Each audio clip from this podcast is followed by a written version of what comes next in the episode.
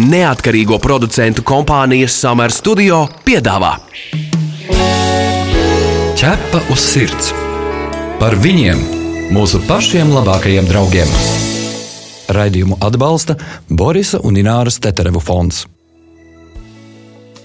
Esiet sveicināti radioklausītāji! Kārtējā piekdienas pēcpusdienā pie jums viesojas raidījums ķepa uz sirds.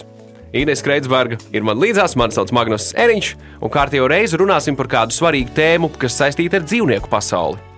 Esiet sveicināti, mīļie Latvijas radio klausītāji. Jā, nu, pavasaris ir krietni tā kā jau ienācis mūsu dzīvēs, un tas ir arī saistīts ar dažādu putnu un zvēru ienākšanu mūsu māju tuvumā. Un par to arī šodien mūsu raidījuma aktualitāte. Tik tiešām mēs runāsim par savvaļas putniem un zvēriem. Šajā reizē gan šķiet atturēsimies no komentāriem par to, kas notiek jūras ērgļu līgzdā. Tā, tā varat sekot līdzi video tiešraidēs, bet mums jārunā par to, ko nozīmē izglābt. Ko darīt, kam zvanīt un vai tiešām pareizi ir izglābt, izārstēt šo dzīvnieku un atlaist mežā. Un tēmas aktualitāte ir saistīta arī ar lūsi, kurš tika atrasts ar laustu ķepu un šobrīd ārstējas. Un sabiedrībā jau nu domas dalās par viņa nākotni, vai lūsi atlaist mežā, jeb to atdot zoodārzam. Un šodien par to diskutēsim ar mūsu studijas viesi. Mūsu studijā šodien ir Rīgas zoodārza pārstāvis Māris Lielkalns. Labdien, Māri! Labdien, labdien! Bet pirms sākam mūsu diskusiju, noklausīsimies mūsu kolēģis Janas Vītoliņas sagatavoto sižetu ja tavs sirds skaidro faktus. Institūta Silava vadošais pētnieks Jānis Ozoliņš nav skeptiski noskaņots pret to, ka lūsis pēc atlapšanas tiks palaists atpakaļ sev ierastā vidē, mežā. Viss atkarīgs no tā, cik ilgi lūsis būs kopā ar cilvēkiem. Svarīgi, lai meža dzīvnieks nepierod, ka barība viņam nav jāmeklē pašam. Dabā galvenokārt lūši medīs stirnas, bet tikai galējas nepieciešamības gadījumā kļūst par maitēdāju. Viss ir atkarīgs no tā, cik ilgi šis lūsis konkrētais atradīsies nebrīvē un uh, kādos apstākļos viņš nebrīvē uzturas. Vai viņam nezūd medību instinkti, tā kā tas ir pieaudzis dzīvnieks, tad uh, ļoti iespējams, ka viņam saglabāsies uh, savvaļas dzīves iemaņas, un tad nu, droši vien, ka labākais būtu viņu atbrīvots pēc izārstēšanas, ja tas nebrīvis periods ja nav pārāk ilgs. Patversmē meža vairogi, kur šobrīd pēc operācijas atlapst lūsis, stingri tiek ievērots režīms, lai dzīvniekam pēc iespējas mazinātu stresu, kā arī lai viņš nepierastu pie cilvēka. Lūsis tiek barots ar tikko kautiem trušiem, vistām un pīlēm, jo no saldētas pārtikas viņš atteicies. Lai pabarotu un iedotu zāles, darbinieki iet pie viņa noteiktos laikos. Atlapšana ilgs, jo izveidojies nosacīts apburtais lokus. No spēcīgajām antibiotikām lūsim zūd apetīte, bet zāles dzīvnieks uzņem tikai ar barību. Ja ēst negribas, arī zāles paliek neuzņemtas. Tomēr lūsis jau spējot pārvietoties gan horizontāli, gan vertikāli, proti viņš ne tikai iet, bet arī kāpelē pa savas mītnes plauktiem, stāsta lūša vetārste Inga Birne. Vai instinkts beidz pēc pusotra mēneša vai divu pus, vai ir noteikts laiks, nu cik ilgi laiks dots mums ārstēt šo dzīvnieku. Es nedomāju, ka ir tā, ka tieši trīs mēneši un viena diena un instinkts izzūd. Tas dot vai nedot iespēju viņam atgriezties sauļā, tur nav diskusija, ka viss šobrīd tiek vērsts uz to, lai viņš atgrieztos pilnvērtīgi savā dabiskajā vidē. Savukārt mednieks ar 30 gadu stāžu Aigars Remers ir pārliecināts, ja pēc ārstēšanās lūsi palaidīs brīvā dabā, tas būs pāris dienu jautājums un dzīvnieks būs pagalam. Viņš nespēs vairs pats sev atrast ēdamo, tāpēc kļūs par barību citiem meža plēsējiem. Tādēļ, lai saglabātu lūša dzīvību, Remers uzskata, ka izglābtajam dzīvniekam vieta tagad būtu zoodārzā. Ja lūsi laidīs atpakaļ mežā, mednieks būtu pat ar mieru pielikt lūsim raidītāju, lai pierādītu savu taisnību. Nu, jebkurš savvaļas dzīvnieks, ja viņš ir dabūjis no cilvēka rokas ēdienu, viņš ieraugot cilvēku, viņš zina, ka tur vienmēr var dabūt ēdienu. Viņam ar to tas viss ir asociēsies. Nu, viņš arī tuvosies arī turpmāk mājām. Situācija, ka sabiedrība vāc līdzekļus, lai lūsis tiktu glābts, bet palaižot vēlāk viņu brīvībā, dzīvnieku ātri vien var nomedīt, Jānim Ozoliņam šķiet pieņemama un saprotama.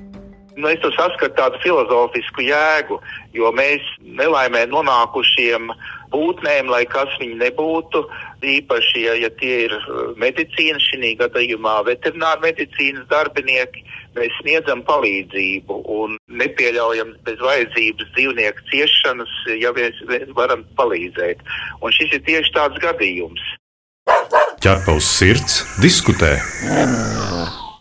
Jā, Mārī, ko jūs domājat par šo lūsi? Tad sanāk, kā glābjam, ārstējam, vācam ziedojumus, tad atlaižam mežā un mednieks nošauj. Kā jums liekas, cik tas ir ētiski? Nu, pirmām kārtām šis gadījums mazliet atšķirās no daudziem citiem, kad tiek no dabas tiek iegūts kaut kādā veidā mazulis, kuram nav nekādas iepriekšējas pieredzes par to, kā tas ir dzīvot dabā un ko nozīmē noķert atbilstošu barību. Šajā gadījumā tas ir pieaudzis dzīvnieks, kuram jau ir skaidrība, un viņš to ir praktizējis, tad viņš ir būtībā gatavs dzīvei.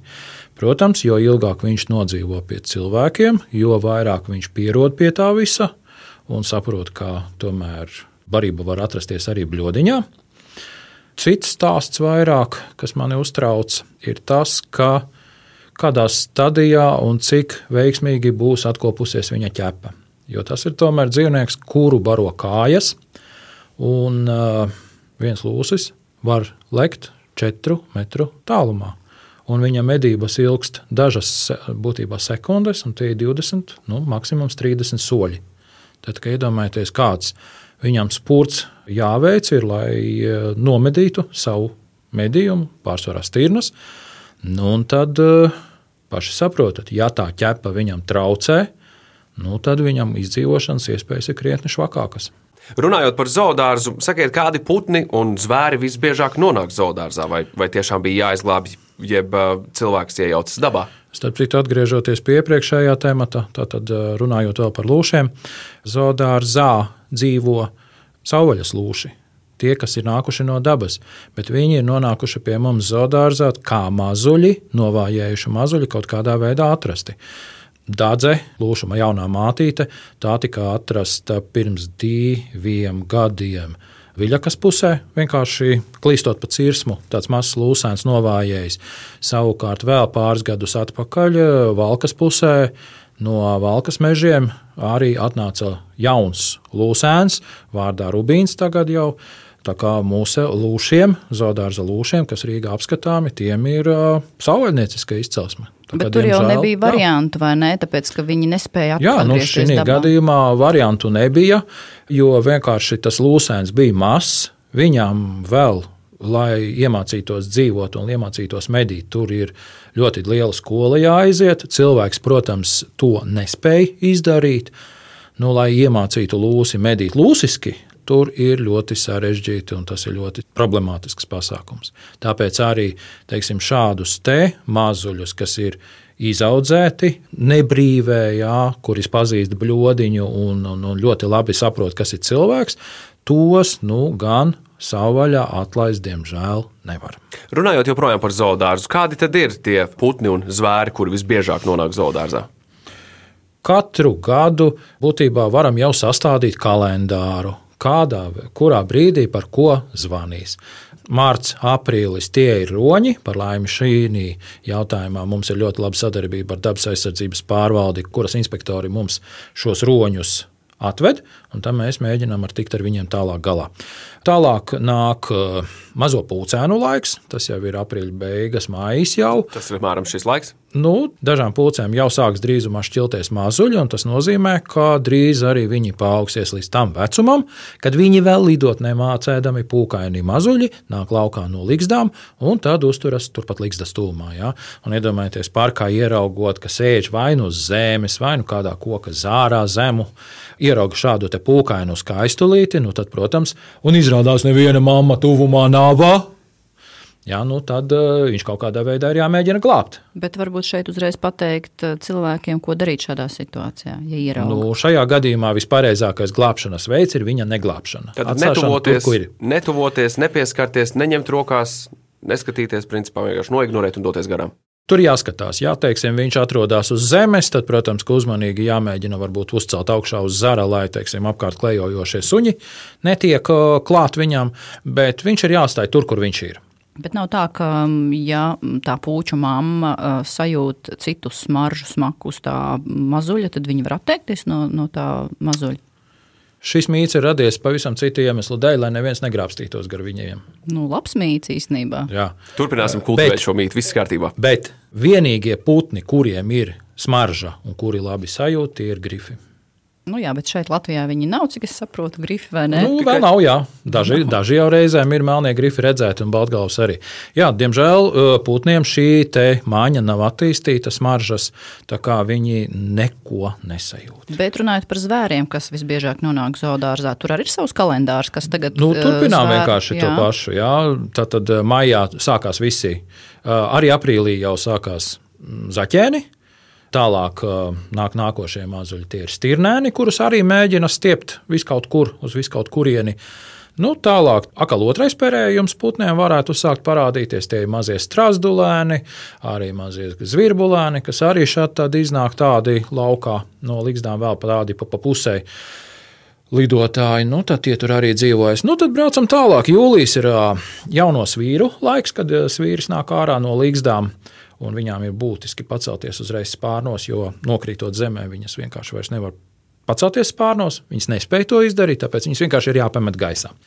Tālāk seko stārķu lēnu laiks, tas ir um, augusts, jau septembris, arī oktobris. Nu, tad jau pamazām ā, sāk parādīties arī gulbi un viss šī ziemas periods arī Bet es saprotu tā, ka, Tā ja cilvēks iet dabā, iekšā, iet pie šiem zvēriem, putniem, nu tad īstenībā tad ir skaidrs, ka viņš jau traucē tā dabai, un tad tiešām svarīgi cilvēkam pateikt, lai viņš neaiztiek neko. Bet ko darīt, ja zvēri un putni, kā saka, nāk daba pie cilvēka, nāk pie cilvēkiem uz mājām? Kādos gadījumos tas notiek un, un kādi ir šie gadījumi? Es atceros to atgadījumu, kad Rīgā klaiņoja Alnis. Salīdzinoši nesen viņš bija iemaldījies, un viņam bija diezgan interesanti šeit. Bet runājot par. tradicionāli.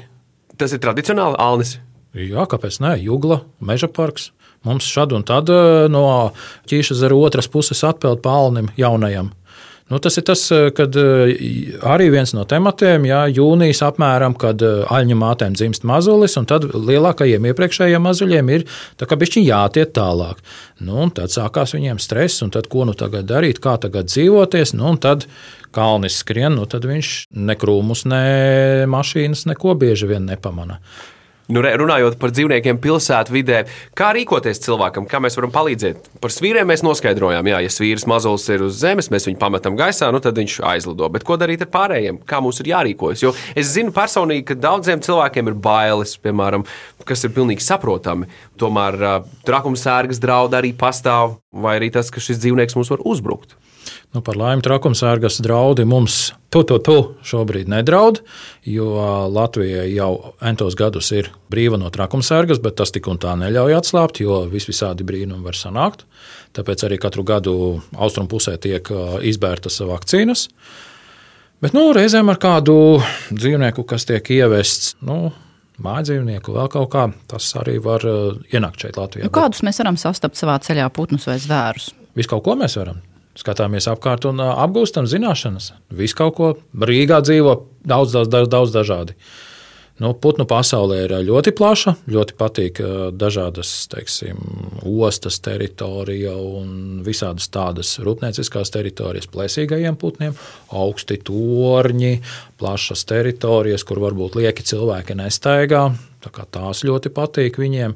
Tāpat arī šīs te pašas teritorijas patīk lapsām, jenotsuņiem, caunām. Jā, par caunām mēs varam pastāstīt. Mums īstenībā vairāki klausītāji ir pat ziņojuši, ka viņiem uh, mājas novērošanas kameras ir fiksējuši tieši caunu, kas pa nakti tur ložņā un, un, un jocīgus trokšņus rada. Mm -hmm. Ko darīt šādos gadījumos? Likt kādu barību, jeb pienu likt vai, vai mēģināt dzīt aizbiedēt. prom? Jā.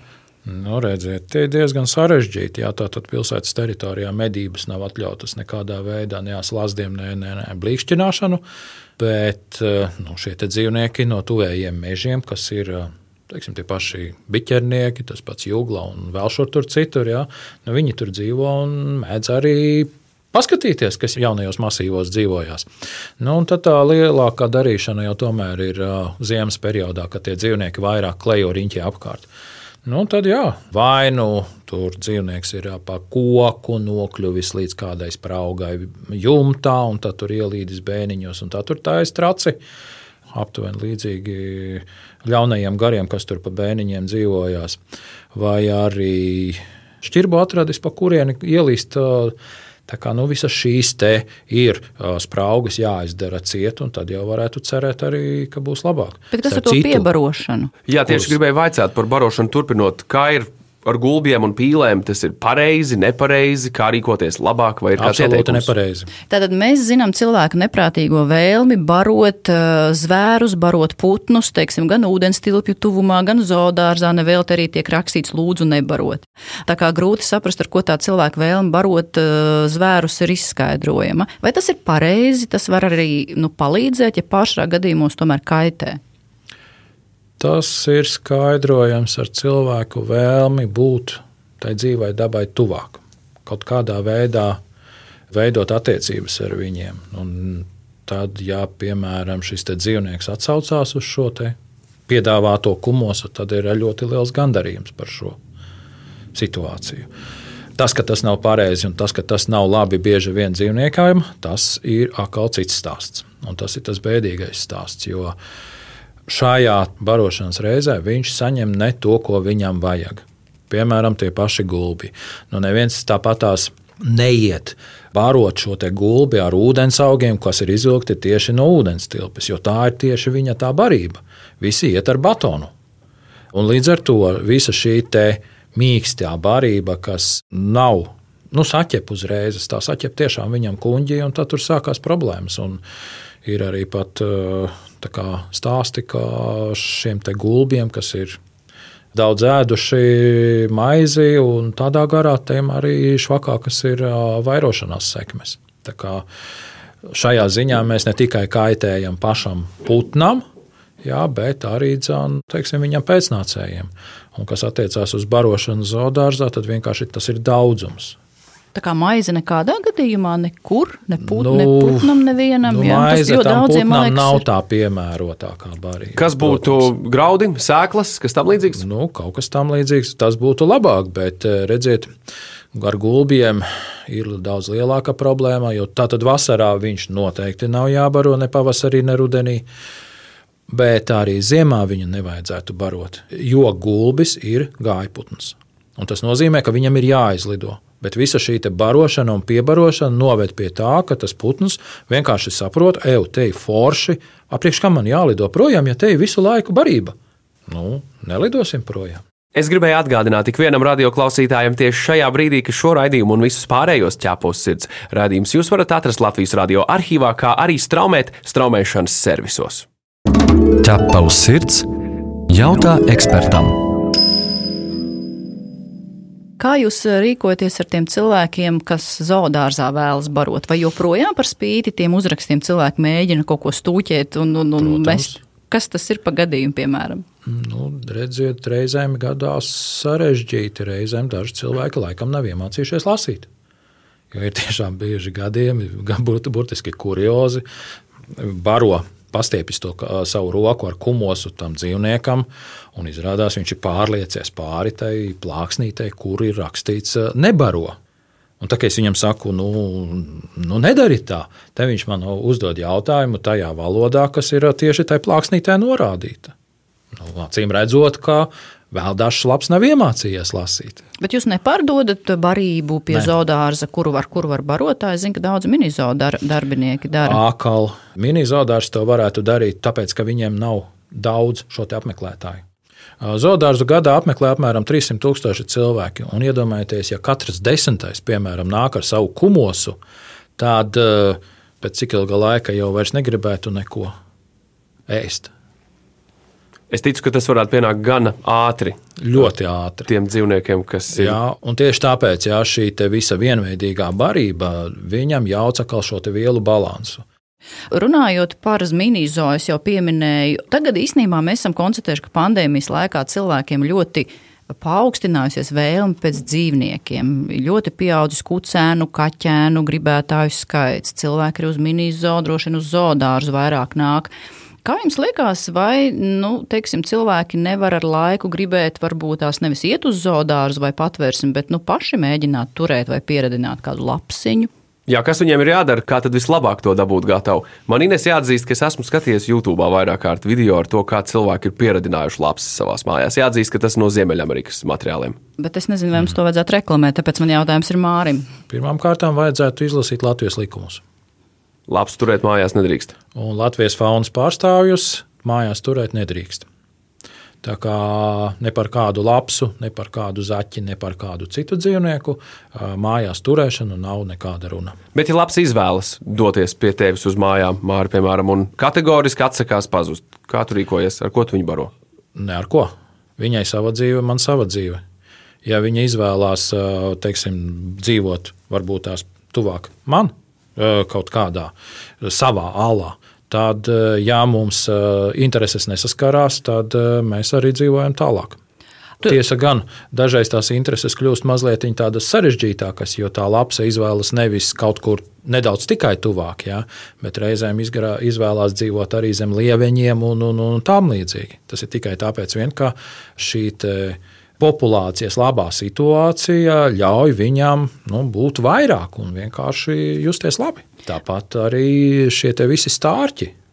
Tie stārķi, kas klīst pa pilsētām, apdzīvotām vietām, tie, tie ir pilnīgi mājās turēti stārķi, kuri lūk, ir pēc kāda laika laisti brīvā dabā, lai nu viņš mēģina dzīvot. Un tad viņš arī dzīvo. Kā mākslinieks. Mums ir pāris jautājumi jums no mūsu klausītājiem. Sāksim ar ežiem. Ko darīt, ja redzam ezi, un vai var to pārvietot, vai labāk to ezi neaiztikt? Jo, protams, ir grūti noskatīties, ja ezīts iet pāri ceļam, un viņi var sabraukt. Nu, zin, kā žēl var kļūt. Nu, ja viņš iet pāri ceļam un uh, tur ir tiešām dzīva satiksme, tad noteikti būtu labi, ja viņu varētu pāri celt pāri ceļam, lai vismaz tas posms viņam ir uh, veiksmīgi noiets. Te ir atkal daudz dažādas nianses par visām šīm lietām. Vienā situācijā jādara tā, otrā situācijā jādara tā. Protams, ja tas ezis dzīvo pie jums eh, kaut kur dārzā, tad nevajag par to uztraukties. Eh, var priecāties par viņu un tam līdzīgi, bet nekādā gadījumā pienu viņam piedāvāt nevajag, jo tad viņam radīsies cauri, un tad viņam būs tikai slikti. Tas Vai... ir tas mīts, jā, ka ežiem jādod piens, bet tas ir galīgi nepareizi. Vai ir vēl kāds produkts, ko nevajadzētu dot ežiem? Vispār jau neko nevajadzētu dot ezim, jo vienkārši tas atkal ir. Nu, Cilvēku ezi pieradina pie tā, ka viņš kļūst atkarīgs no konkrētas vietas un konkrētas lietas. Kā ja. mēs zinām, ezis ir plēsējs, ezim patīk uzbrukt, medīt naktī, ļausim ezim to darīt savā nodabā. Un čūskas ar viņam nebarot. Nu, re, vēl viens jautājums no klausītājiem. Šajā reizē par stārķiem, par kuriem jau pirms mirkļa runājām. Vai stārķi atgriežas vienā un tajā pašā vietā, jeb tās līgstas katru gadu viņi veido citur? Gaiputniem ir ļoti spēcīgi izteikta atgriešanās mājās. Jaunie putni vairāk klīst un izplatās uh, tuvējā teritorijā, tad meklē brīvās vietas un aizceļo piemēram uz kaut kādām nu, brīvākām teritorijām, bet tie, kas ir vecāki putni, tātad vecie putni, kas vairākus gadus jau ir līgzdojuši, tie cenšas atgriezties savās mājās atpakaļ. Bet vai viņu vietā kāds varbūt nu, ielauzies, kāds cits? Jā, kurš pirmais nāk, tas pirmais maļ. Tas nenozīmē, ka, ja es esmu ieraudzījis stārķi vienā konkrētā vietā katru gadu, tas nenozīmē, ka tas ir viens un tas pats stārķis. Varbūt, jā, varbūt, varbūt, varbūt nē. ne tā. Okay. Jā, var gadīties arī, ka tas jau tomēr ir cits. Katrā gadījumā papucis cenšas atgriezties pirmais savā mājā, un tad cenšas arī šo savu māju aizstāvēt. Ja uzrādās kāds jauns cits spēka virs, nu, tad ir jāpakļaujas viņam, un tad ir jāatstāj šī māja. Mums jau īstenībā tās problēmas nav tik trakas, kā piemēram citās valstīs, kur ienoti apdraud vai kaut kādas čūskas nāk mājā. Mums jau tā dzīvošana diezgan ir eh, viegla, vai ne? Vien, Mēs jau īsti neciešam no tiem savvaļas zvēriem. Vienīgi tie lāči man reizēm baida, kad ziņās parādās, ka kāds ir iemaldījies Latvijas teritorijā. Nu, mums jau tā vēl tā, tā teikt, paradīze, tie brūnie pekaiņi tā, tā daudz nav. Bet nu, pēdējā laikā kļūst ar vien vairāk. Nu, aizbrauciet uz Igauniju, turpat jau kāds ir noķēris mašīnu.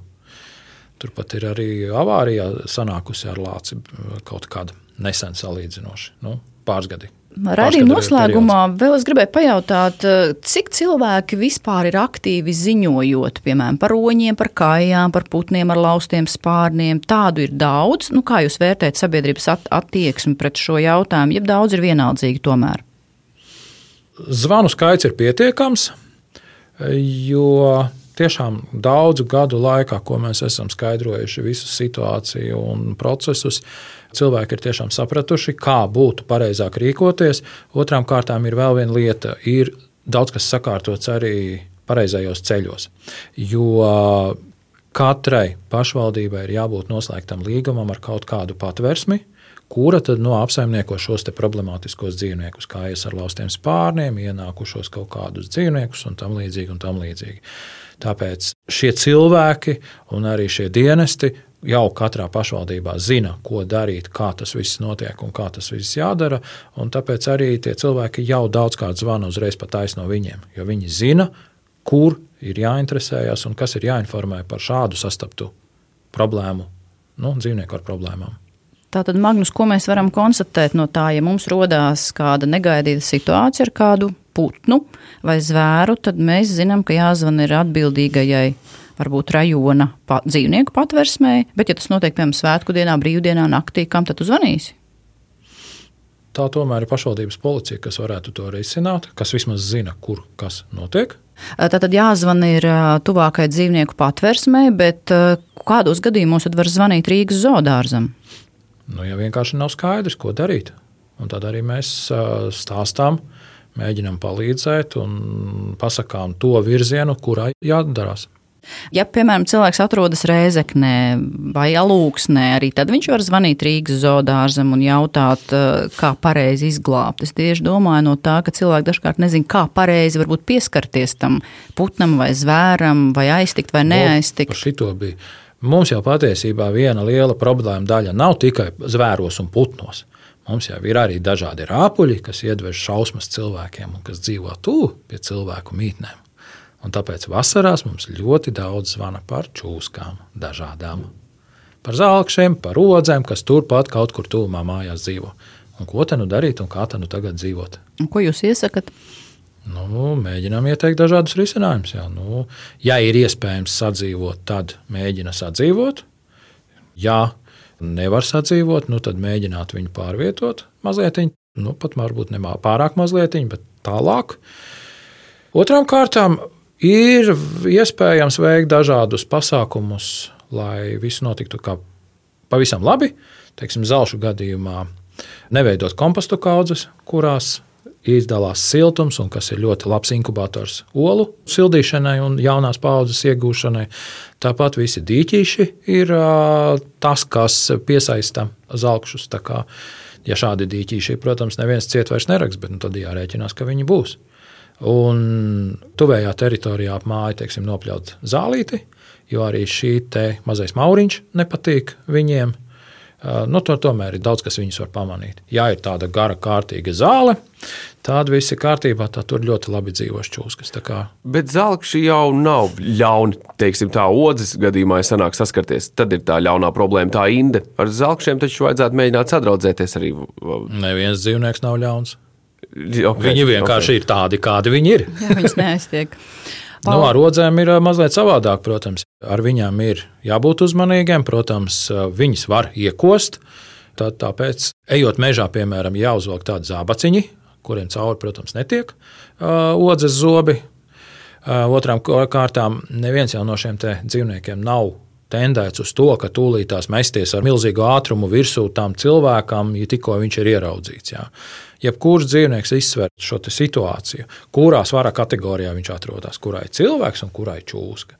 Un, um, ja teiksim, iet skaļāk tā kā lācis, nu, tur kādreiz uzkāpj uz zāriņa kaut kāda vai smagāk piesit kāju, nu, tad uh, šie dzīvnieki jau sadzird un, un, un sajūt to cilvēku, tāpēc jau laikus tā attālinās un iet projām. Bet oģu gadījumā tās ir akmeņu drupas, akmeņu kaudzes, čūskulājas, tas arī tā garā zāle. Tas ir tās vietas, kurās viņas vislabprātāk dzīvo. Paldies mūsu šīs dienas viesim. Mums studijā bija Rīgas zoodārza pārstāvis Māris Lielkalns. Paldies, Māri! Visur kopā - ķepus sirds! Magnus, nu, ko tad mēs dzirdēsim nākamajā raidījumā? Nākamajā raidījumā mēs runāsim par to, kā atbildīgā institūcija glābi un palīdz dzīvniekiem, kā arī kādēļ dzīvnieku labturības ziņā esam atpalikušo valstu vidū. Studijas viesis būs pārtikas un veterinārā dienesta vadītājs Māris Balodis. Uzdodiet savu jautājumu arī jūs! Rakstiet mums info atķepausirds.lv, bet mēs tiekamies jau atkal pēc nedēļas. Mani sauc Inese Kreitsberga. Es esmu Magnus Eriņš. Raidījumu veidoja neatkarīgo producentu kompānija Summer Studio. Atā. Visu labu! Ķepa uz sirds! Informatīvi izglītojoši raidījums par dzīvnieku pasauli un cilvēkiem tajā. Raidījumu atbalsta Borisa un Ināras Teterevu fonds.